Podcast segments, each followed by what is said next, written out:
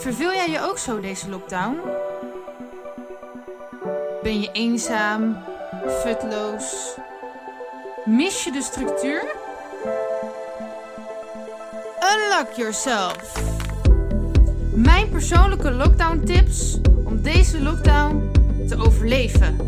Tips over zingeving, spiritualiteit, mindset, gezondheid, vermaak, thuisonderwijs en tips voor het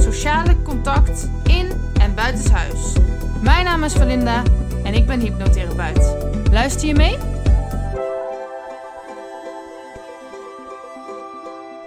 Lockdown tip 18. Speel spelletjes. Nou, ik heb deze tips geschreven ehm, ja, in de lockdown, maar deze heb ik dus geschreven rondom de kerstdagen.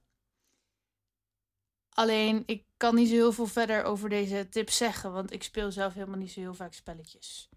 Maar als ik ze speel, dan doe ik dat dus vaak met kerst. Ehm, of tenminste, ja, ik heb wel vaak met vrienden wel eens kerst gevierd en dan gingen we altijd spelletjes spelen.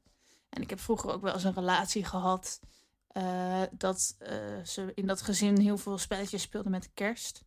En dat vind ik altijd wel leuk aan grote gezinnen, dat uh, spelletjes spelen.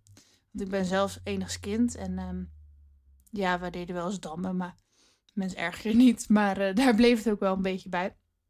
En het is toch anders als je enigskind bent, zeg maar.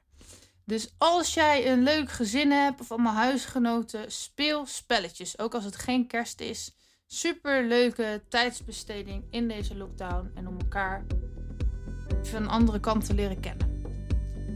Um, ja, wat kan ik er verder over zeggen? Ik speel het nooit. Maar onderzoek zelf wat voor spel er bij jou of jullie past.